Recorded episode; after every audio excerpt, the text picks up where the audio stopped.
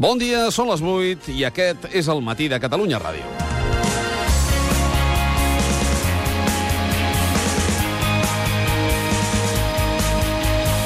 A Bárcenas se li ha acabat el xampany, els vestits cars i els viatges de luxe a les muntanyes més inaccessibles del planeta, de moment. Luis Bárcenas ha passat la nit a la presó de Soto del Real, un penal que es comença a acostumar a rebre ingressos de suposats ciutadans il·lustres. Altres ciutadans, a parer de Bárcenas, potser no tan il·lustres, es van encarregar de rebre'l quan entrava a declarar amb aquestes paraules.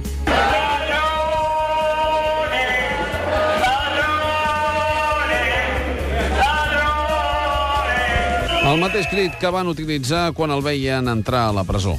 Bárcenas, com Blesa fa uns dies, ha ingressat a la presó amenaçant de presentar recursos i contrarrecursos per tornar a casa. A Bárcenas, però, potser no li serà tan senzill sortir-ne perquè, a més, en el seu cas, la Fiscalia hi està plenament d'acord. El jutge Pablo Ruz va ordenar l'ingrés a la presó en considerar que hi ha un risc alt de fuga després de comprovar que ha fet diversos moviments de fons i ha traslladat diners des de comptes de Suïssa a d'altres dels Estats Units i l'Uruguai.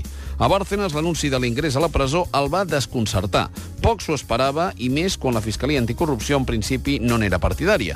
En els càlculs de Bárcenas no hi entrava mai la possibilitat que la justícia el fes passar per l'adreçador. Fa quatre anys que va començar la investigació judicial i fins ara se n'havia sortit prou bé.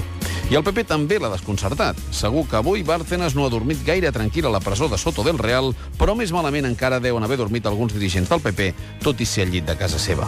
En Bárcenas també ha entrat a la presó els secrets del partit que governa Espanya. Secrets que Bárcenas ha custodiat i que en algun cas, com en el dels papers, s'han anat filtrant amb comptagotes.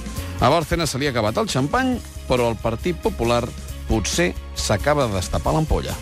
Benvinguts a casa vostra. El matí de Catalunya Ràdio, amb Manel Fuentes.